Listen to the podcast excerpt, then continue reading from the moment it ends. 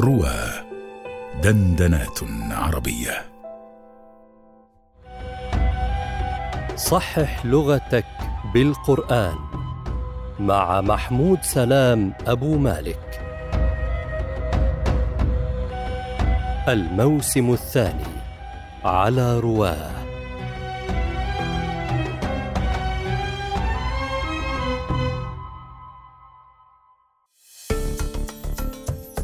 السلام عليكم ورحمة الله وبركاته.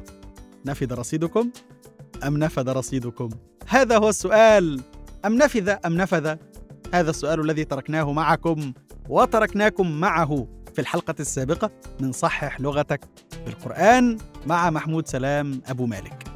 أردنا أن تصلوا إلى الإجابة كالعادة من خلال القرآن الكريم. ولقد قرأتم والحق أنكم قرأتم ووصلتم إلى الإجابة ووصلتم إلى الآية التي جاءت فيها هذه الكلمة. والآية تقول قل لو كان البحر مدادا لكلمات ربي لنفد آه لنفد البحر قبل أن تنفد كلمات ربي. هذه الإجابة هذه الإجابة. الفعل الماضي نافد انظروا بالدال وليس الدال هذا من الأخطاء الشائعة. الناس يظنون أن كل دال لأن هذا من أثر اللهجات. نحن لأننا نقلب الذال دالا في بعض الكلمات. فنقول مثلا ديب بدلا من ذئب ونقول مثلا ديل بدلا من ذيل ها؟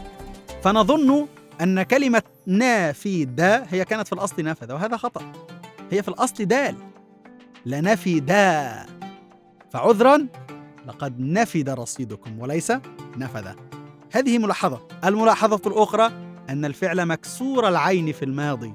حدثتكم عن العين. عندما نقول العين فنحن نقصد عين فعل يعني هو نافدا فاعلا قل لو كان البحر مدادا لكلمات ربي لنفدا البحر.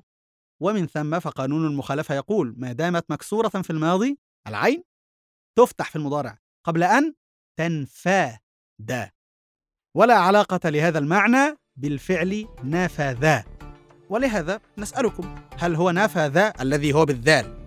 هل في العربية فعل بالذال نون فاء ذال؟ وما ضبطه؟ هل نقولها نفذ أم نفذ؟ فكروا وهاتوا الإجابة من القرآن الكريم لنبينها إن شاء الله في الحلقة الجديدة من صحح لغتك بالقرآن. محبتي لكم محمود سلام أبو مالك.